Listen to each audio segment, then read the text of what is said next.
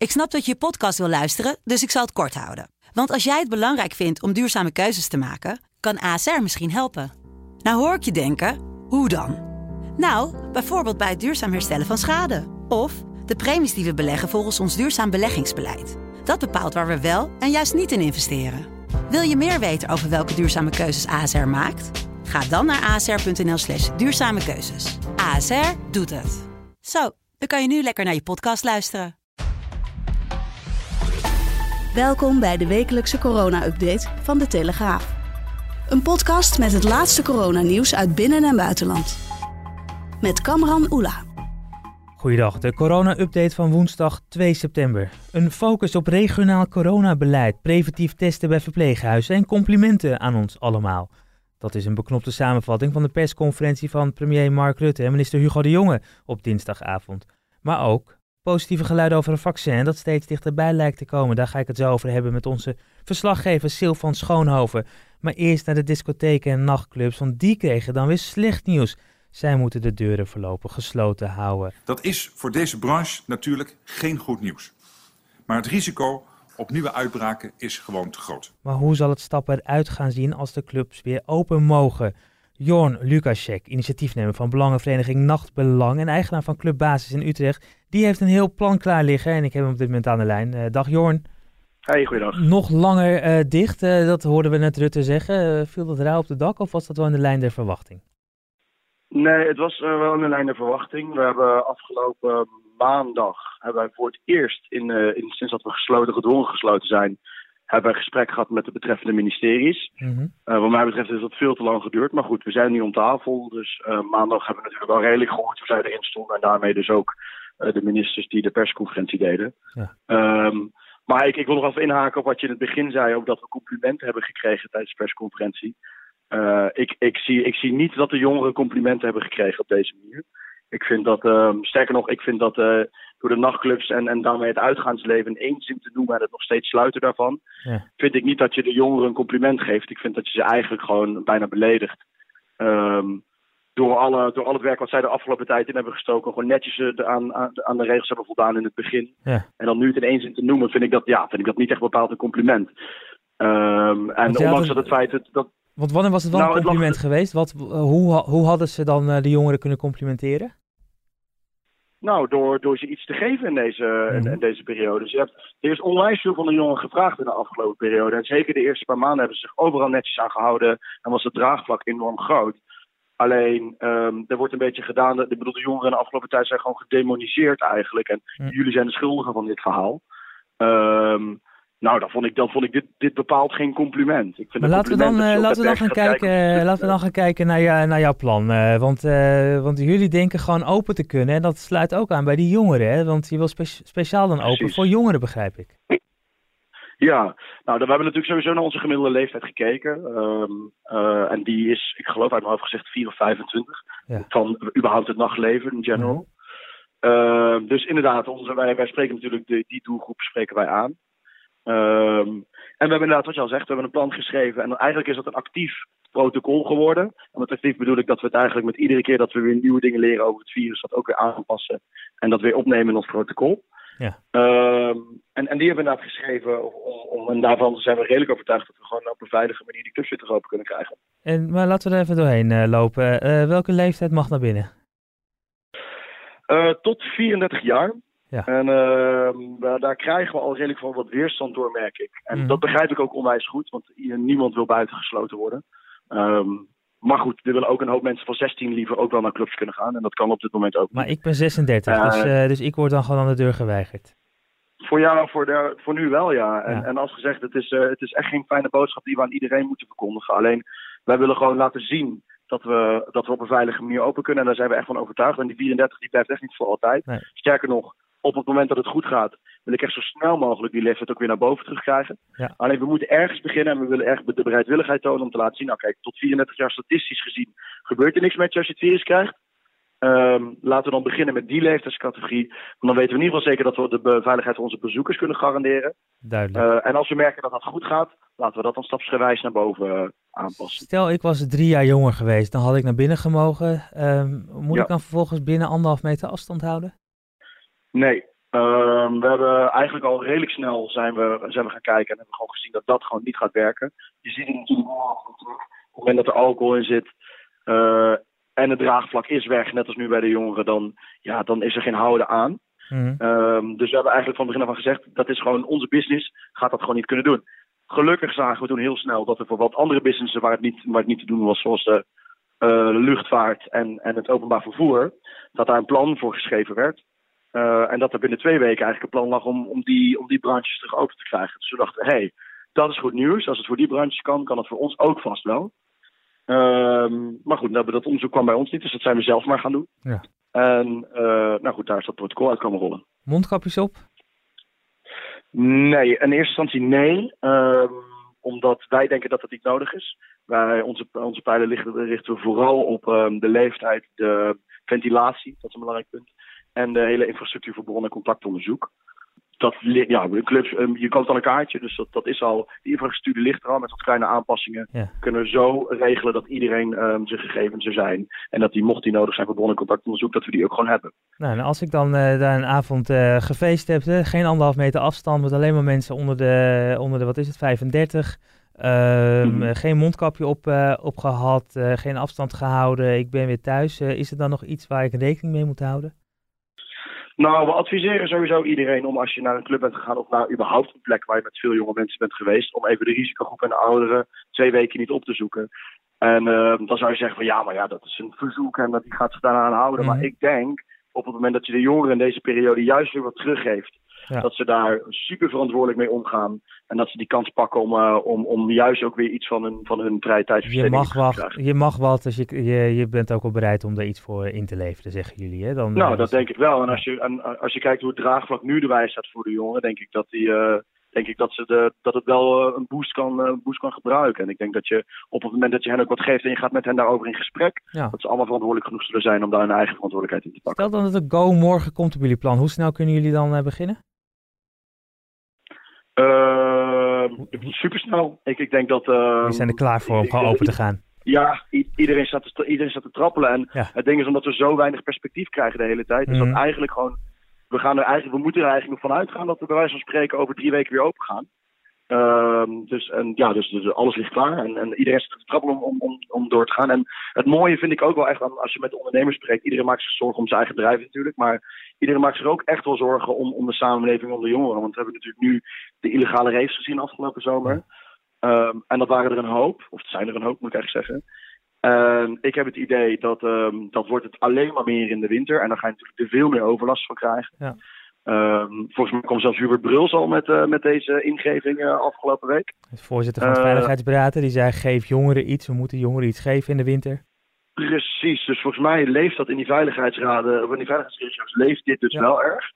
En terecht, denk ik. Mm -hmm. uh, nou, laten we dan gewoon kijken hoe we dat gewoon met ons, met de, met de verstandige ondernemers die we zijn, gewoon op kunnen pakken. Ja. En, en, en dat we iets terug kunnen geven deze winter. Tot slot, realistisch gezien, wanneer denk je daadwerkelijk weer open te kunnen gaan? Ja, dat vind ik een hele lastige vraag. Um, als je me dit vorige week had gevraagd, dan was ik denk een stuk moedelozer geweest dan nu. Mm. Um, nu zijn we eindelijk in gesprek met de beleidsbepalers en ligt ons protocol bij het OMT. Ja. Um, dus ik, ik, laat ik dan gewoon positief blijven en, en hopen op dat, dat daar snel iets goeds uitkomt. En wat ik ook denk is, zeg maar, uh, als een onderwerp urgent is, dan is van alles mogelijk. Laat ik gewoon hopen dat de beleidsbepalers dit nu de urgentie gaan zien van dit, uh, van dit uh, vraagstuk. En en ook dat de jongeren zich gewoon uitspreken. En dat ze, ze mogen best wel zeggen dat ze gehoord mogen worden in deze mm. situatie. Ze hebben best wel wat, best wel wat gegeven. Dus um, nou ja, ik denk op het moment dat het die urgentie gaat leven, dan, dan komen we er wel uit. En ik denk dat het protocol dat wij hebben geschreven veilig kan. Maar we staan super open voor van alles aan onderzoeken. En als we dat snel doen, dan, uh, nou ja, dan zie ik gewoon gebeuren dat we gewoon in oktober gewoon uh, op een veilige manier open kunnen. Initiatiefnemer van Belangenvereniging Nachtbelang en uh, eigenaar van Clubbasis in Utrecht, Jorn Lukacek. Dankjewel. Jij bedankt. Een vaccin lijkt steeds dichterbij te komen, zei Hugo de Jonge in de persconferentie op dinsdagavond. Volgens de minister zijn er vijf kandidaat-vaccins en zijn de eerste testresultaten bemoedigend. De stappen worden in veel hoger tempo doorlopen uh, dan in een regulier uh, ontwikkelproces van een vaccin. Dus je moet wel telkens blijven zeggen, in elke testfase kan het nog tegenvallen. Natuurlijk moet je dat erbij blijven zeggen, maar ik denk dat een vaccin nog steeds onze beste kaart is, onze beste troef is. Hoog tijd om uh, bijgepraat te worden door onze verslaggever Sil van Schoonhoven, die alles rondom de vaccins volgt. klopt dat, Silvan, dat de eerste testresultaten hoopgevend zijn? Nou, dat hangt vanaf naar welk middel je natuurlijk kijkt. Er zijn inmiddels 170 fabrikanten bezig met een coronavaccin. De ogen waren in Nederland natuurlijk de afgelopen week erg gericht op het, Nederlandse vaccin. Dat komt uit Leiden, zoals je weet, mhm. van de firma Janssen. En uh, het nieuws was natuurlijk dat, dat die nu gaan beginnen ook met het testen van uh, het middel op Nederlanders. Dus Nederlanders kunnen zich melden en kunnen een prik krijgen met het middel. En daar, zo wordt gekeken of het veilig is. Ja, en jij uh, wist daar ook wat details over te geven. Hè? Hoeveel, hoeveel die mensen precies krijgen en ook wat de bijwerkingen zijn. Nou, precies. Kijk, eh, de, de, eerste vraag die je, die je natuurlijk beantwoord wilt zien als je aan zo'n proef meedoet, is van ja, is het nou gevaarlijk? Het is een experimenteel middel. Het is wel getest op, eh, op apen, hè, op dieren, op apen. En uh, het, er zijn ook al in het buitenland zijn er al wat, wat kleinschalige proeven geweest. Maar je bent natuurlijk toch in zekere zin binnen een proefkonijn. Mm -hmm. Nou, er zit, daar zitten altijd risico's aan. Je wilt natuurlijk weten wat zijn die risico's. En wat staat er tegenover dat ik dat risico neem? Nou, uh, als je meedoet aan deze proef, dan, uh, dan krijg je 4700 euro plus reiskosten. Dus dat is een, uh, nou, dat is een hele aardige vergoeding voor een, voor een paar prikken. Hè. Je moet een keer op consult komen, je wordt een paar keer gebeld, je moet ja. een vragenlijst invullen. De, en nou, daarvoor krijg je dat bedrag. Wat is het risico? Nou, volgens Jansen is dat echt maar heel beperkt. Hoef je niet bang te zijn dat je ook niet allerlei lange termijn schade krijgt. Wel kun je uh, spierpijn, grieperigheid, vermoeidheid, hoofdpijn. Beetje dat soort verschijnselen, die gaan vaak wel gepaard als je een vaccin neemt. Of het nou getest is of niet getest. Iedereen weet natuurlijk wel eens dat hij zich wat, wat, rottig voelt na een, uh, na een prik als je naar een of ander tropisch land op vakantie gaat. Dus dat is hier niet anders. Nee, um, in het verhaal las ik ook dat uiteindelijk die proef nu begint. En dat het een jaar duurt dat die, dat die mensen helemaal onderzocht worden.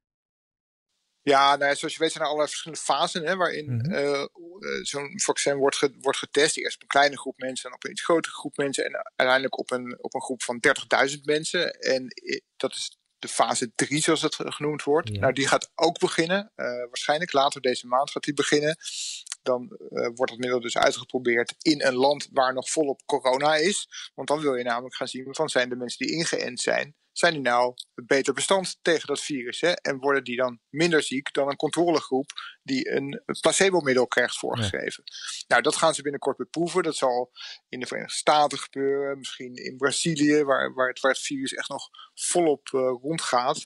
Want je wil natuurlijk uh, die proefpersonen, die wil je natuurlijk blootstellen aan dat virus. En dat mag niet met opzet. Hè. Dat zou je natuurlijk eigenlijk zou je dat graag willen. Je zou eigen proefpersonen willen besmetten met het coronavirus. Dan kun je gelijk zien of het werkt of niet. Maar ja, dat is onethisch. Dat mag absoluut niet.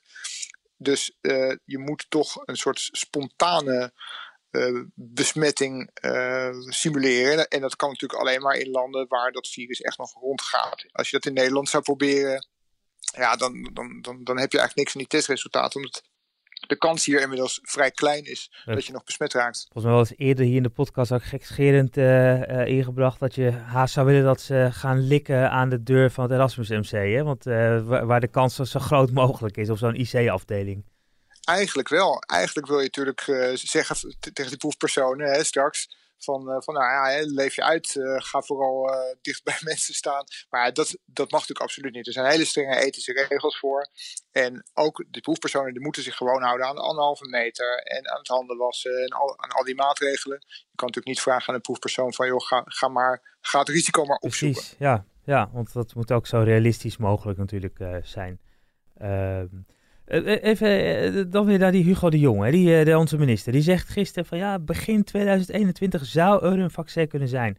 Maar dat is dan niet dat Janssen-vaccin, als ik jouw verhaal nu goed begrijp. Waarschijnlijk niet, want Janssen zit wel in de kopgroep, maar loopt niet helemaal vooraan. Over het algemeen zijn de ogen gevestigd op het middel van de Universiteit uh, van Oxford. Hè. Die mm. maakt samen met het bedrijf AstraZeneca maken zij een vaccin. Dat, dat zit al volop in die derde fase van dat testen. En de eerste resultaten zijn daar ook heel goed van. Dus dat is eigenlijk het middel wat waarschijnlijk als eerste de finishlijn haalt. Ja. Uh, Nederland heeft daar ook een, een, flinke hoeveelheid van besteld. Dus uh, dat zal waarschijnlijk het eerste middel zijn wat inderdaad begin 2021, hè, dat wordt echt wel genoemd als op zijn allervroegst kunnen dan de eerste dosissen beschikbaar komen voor kwetsbare groepen. Nou, dat zal waarschijnlijk het middel zijn wat, wat als eerste echt zal worden, zal worden uitgerold. En daarna volgen er misschien meer. En ook, het, ook het middel van Janssen kan ook aanvullend zijn op vaccins die dan op dat middel gebruikt worden. Liggen er nog gevaren onderweg, beren op de weg waar we voor moeten waken? waar in ieder geval niet wij, maar de makers van het vaccin vooral voor op, bezorgd over zijn? Nou, kijk, alle uh, ontwikkelaars die, die kijken natuurlijk naar de concurrentie. Die is, eh, zoals gezegd, is enorm. Hè? 170 bedrijven houden zich hiermee bezig. Dus je kan op elk moment worden afgetroefd door een ander bedrijf die sneller door die fase 3 heen komt en de vereiste papieren op zak heeft om zo'n middel op de markt te brengen. Nou wordt er wel gezegd van ja, het is niet erg als er, als er meerdere vaccins op de markt komen. Want sommige, sommige middelen werken gewoon net even iets anders. Of uh, voor een bepaalde doelgroep iets beter. Bovendien zijn er ontzettend veel doses nodig. Hè, als je de hele wereldbevolking op een gegeven moment wil gaan inhenten. Dat is misschien toch het einddoel. Ja. Dan heb je natuurlijk miljarden doses nodig van het spul. Ja. En dat, uh, daarvoor zijn gewoon meerdere fabrikanten nodig om dat te kunnen bereiken. Dus dat is misschien niet zo'n probleem. Uh, wat, je, wat je natuurlijk wel hebt van ja, je, je hoopt natuurlijk toch dat er niet de lange termijn bijwerkingen toch opduiken. Hè? Dat, dat, dat is in het verleden is, is het wel eens gebeurd dat er voor bepaalde groepen toch, uh, zelfs na die, die drie testfasen, toch nog een soort ja, eh, allertjes onder het gras blijken te zitten. In, uh, in de zin van onverwachte bijwerkingen die je pas mhm. later ziet. Ligt niet voor de hand, maar kan wel gebeuren. Nou ja, je hebt natuurlijk de mogelijkheid dat het virus gaat muteren. Dat is ook een, uh, ook een mogelijkheid. Hè? Dat virussen, ja, die veranderen nou eenmaal genetisch. En dat geldt ook voor het coronavirus. Dan kan het zijn dat zo'n vaccin, wat je met veel pijn en moeite hebt ontwikkeld, op een gegeven moment minder werkzaam wordt. En dan kan je nou, niet helemaal van vooraf aan beginnen, maar dan moet je wel weer terug eh, naar het laboratorium om je vaccin aan te passen. Zodat die ook aan het gemuteerde virus uh, ja, weerstand kan bieden. Uh, dus dat, ja, dat, dat, dat zijn nog een paar problemen die in de toekomst liggen. Nog even los van het probleem, als je het zo wil noemen, dat heel veel mensen wantrouwend zijn tegenover vaccins. Hè. Dat is bekend. Heel veel mensen, vooral in het Westen, uh, hoogopgeleide jonge mensen met name, die, uh, die zien, dat, zien die noodzaak van vaccinatie niet zo. Hè. Die zeggen ook van, nou ja, ik ben jong, het virus treft mij toch niet, mm -hmm. dus waarom zou ik een gezondheidsrisico nemen? En de bereidheid om zo'n vaccin te nemen op, dat, op het moment dat het beschikbaar wordt, uh, nou, is, is niet overweldigend groot. Dus ongeveer 60% van de mensen die zegt van ik wil dat vaccin wel nemen. En de overige 40% die twijfelt. En er, is, er zijn dus beetje zo'n 18% uh, die zegt van ik hoef het helemaal niet. Ja, dat ik wil het vaccin niet. Ja. Een deel van de antifaxers bijvoorbeeld. Die, uh, Daar zitten antifaxers bij die gewoon sowieso tegen, tegen elke vorm van vaccinatie zijn. Er zijn ook mensen die, die zeggen van ja, ik, ik, uh, ik geloof het wel. Ik, uh, ik heb meer vertrouwen in mijn eigen weerstand voor wat corona betreft dan dat ik daar iets voor wil gaan slikken. Maar als die groep te, groot wordt op een gegeven moment, dan heb je natuurlijk toch wel een probleem. Kijk, 18% valt nog wel mee. Maar als, uh, als, als, als die overige 22% op een gegeven moment ook zegt van ik hoef dat niet, ja, dan, dan, dan wordt die groepsimmuniteit die wordt dan natuurlijk toch een probleem op een gegeven moment. Dus dat is nog iets waar aan gewerkt moet worden om het, ja, het, het, het, vertrouwen in het vaccin en dat dat, dat, dat echt goed is uh, voor jouw gezondheid en de gezondheid van de mensen in je omgeving. Dat het gewoon echt noodzakelijk is. Ja, toch nog wat, uh, wat beren op de weg. Maar langzaam toch iets van hoop richting 2021 dat er uh, mogelijk straks een vaccin op de markt komt. Ja, nog even voor de duidelijkheid. Er, er is nu nog geen vaccin waarvan bewezen is dat het werkt. Hè? Dus we, voor hetzelfde geld uh, zitten we straks toch nog met lege handen. Alleen ja. de, de kans dat zo is, is natuurlijk heel klein. Omdat er zoveel paarden in de race zijn eigenlijk nu. Dat het, het, het, het kan haast niet anders. Dat een handvol paarden haalt gewoon die eindstreep. Er wordt altijd gezegd van 90% van de vaccins valt ergens onderweg af. Omdat het toch niet werkt. Of te veel bijwerkingen. Of te veel haken en ogen. Maar nou, zo'n 10% gaat het wel halen. Dus dat betekent ook in dit geval dat er waarschijnlijk genoeg kandidaten overblijven die, die, die gewoon echt een werkzaam vaccin afleveren. Welk paard dat is, dat uh, blijf jij voor ons uh, volgen, verslaggever Silvan Schoonhoven. Dankjewel. Graag gedaan. En dit was daarmee ook de Telegraaf Corona-update van woensdag 2 september. Vermijd drukte, hou afstand, blijf gezond en wat ons betreft tot volgende week. Dan zijn we er weer met een nieuwe aflevering.